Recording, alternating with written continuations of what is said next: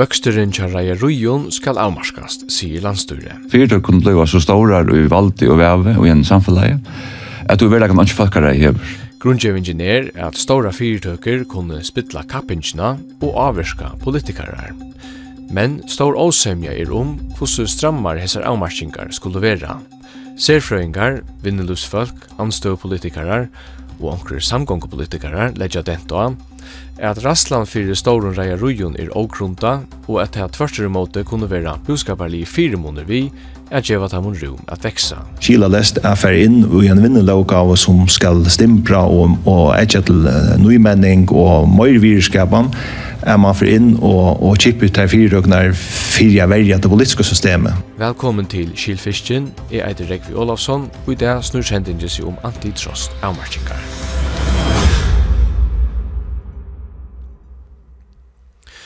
Breaking Windows var ein attervendande iveskrift i USA om aldarskiftet.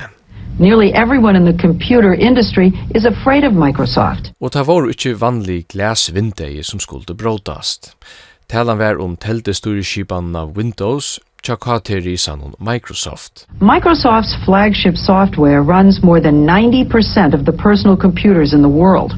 Tendra du ein at heldu i halvfemsen var da i flere enn nutje av tutjeførun, at Windows kom fram av skudjan.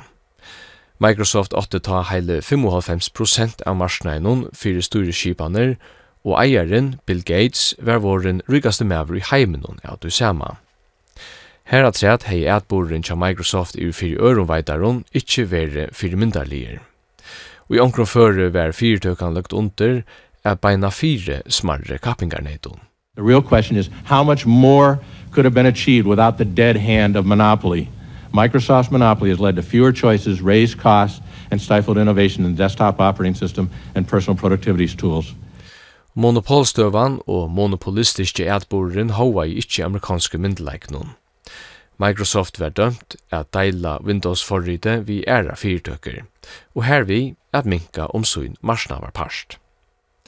I fleste London som hava marsnavar buskap er det pura vanligt at kappingar regler fåra fire at einstegar fyrtøker fåa og stora marsnavarparst eller at det er av omkran hatt fåa fasta tøker i politiske kipanene.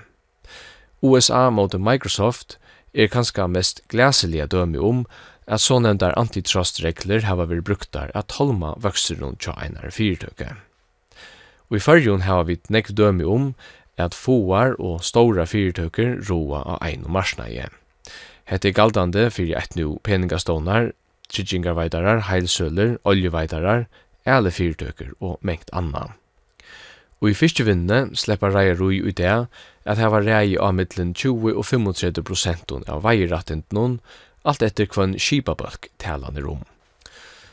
Men, og i samband vi fyrstjevinnen i Kibanna, atla bæg samgångan og sambandsflokkeren at herra avmarskingan her. Men KT-vinnan i USA og fyrstjevinnan i Førjon er ikkje heilt det samme. Tja Microsoft var talan om en reilige monopolstøve, så leiser ikkje i førske fyrstjevinn i det. Ein av høvesårsøknum til sætjena mot Microsoft var at støvan kunde genge uthiver amerikanska brukaran.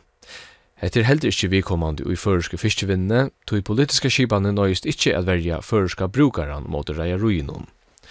Next største parten av fisken som føroysk skip fiska verður fluttur av landenon og kemur så stat onkantøy í samband við føroyska brukaran.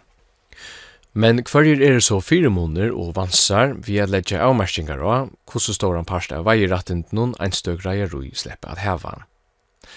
Flere serfrøyngar hava vist av at strengar antitrust avmarskingar kunne gengi ut hiver kappingsina av en møveligere oppåsøle, tog teg som hava rakt avmarskje ikkje sleppa at lotaka av oppåsølene.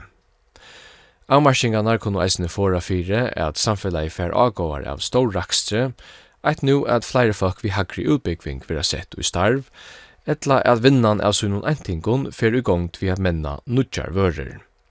Nuskipanar nevnte nevner ui sunnun alite at ein grei ansøgn er mittlen at avmarska støttene av fyrtøknun og samstundes vilje heva virusøkning i fiskevinnene.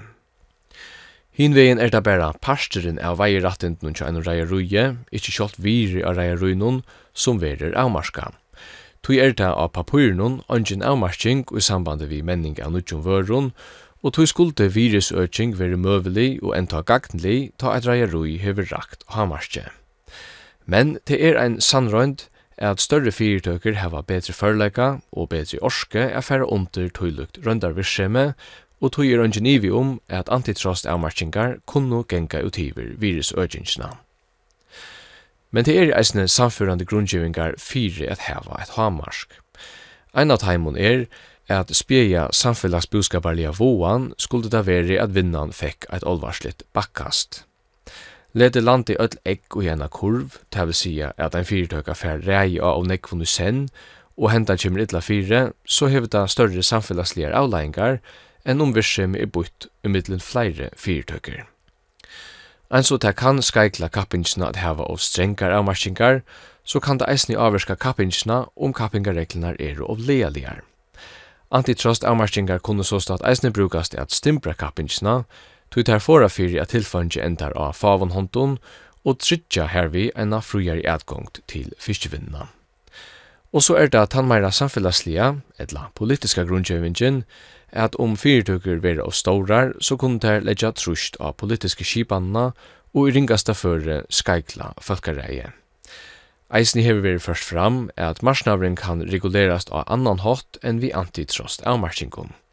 Kappingar regulerande avsettingar og eit styrst kappingar etterlid kunne møvelige en svel og antitrost fora fire at kappingen etla politiska skipanen verir skaikla av storum fyrtøkken.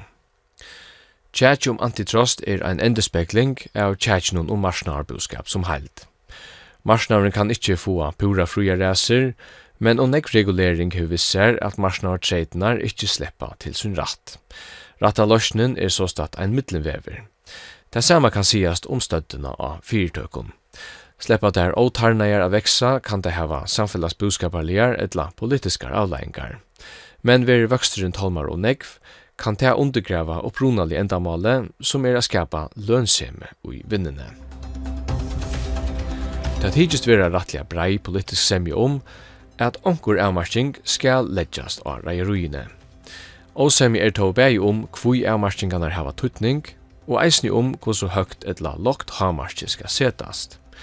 Tyverri er ungen vinnelir etla buskaparlir sværliste som hever ratta prosenttale, og tyverri hetta ein politiske spurninger.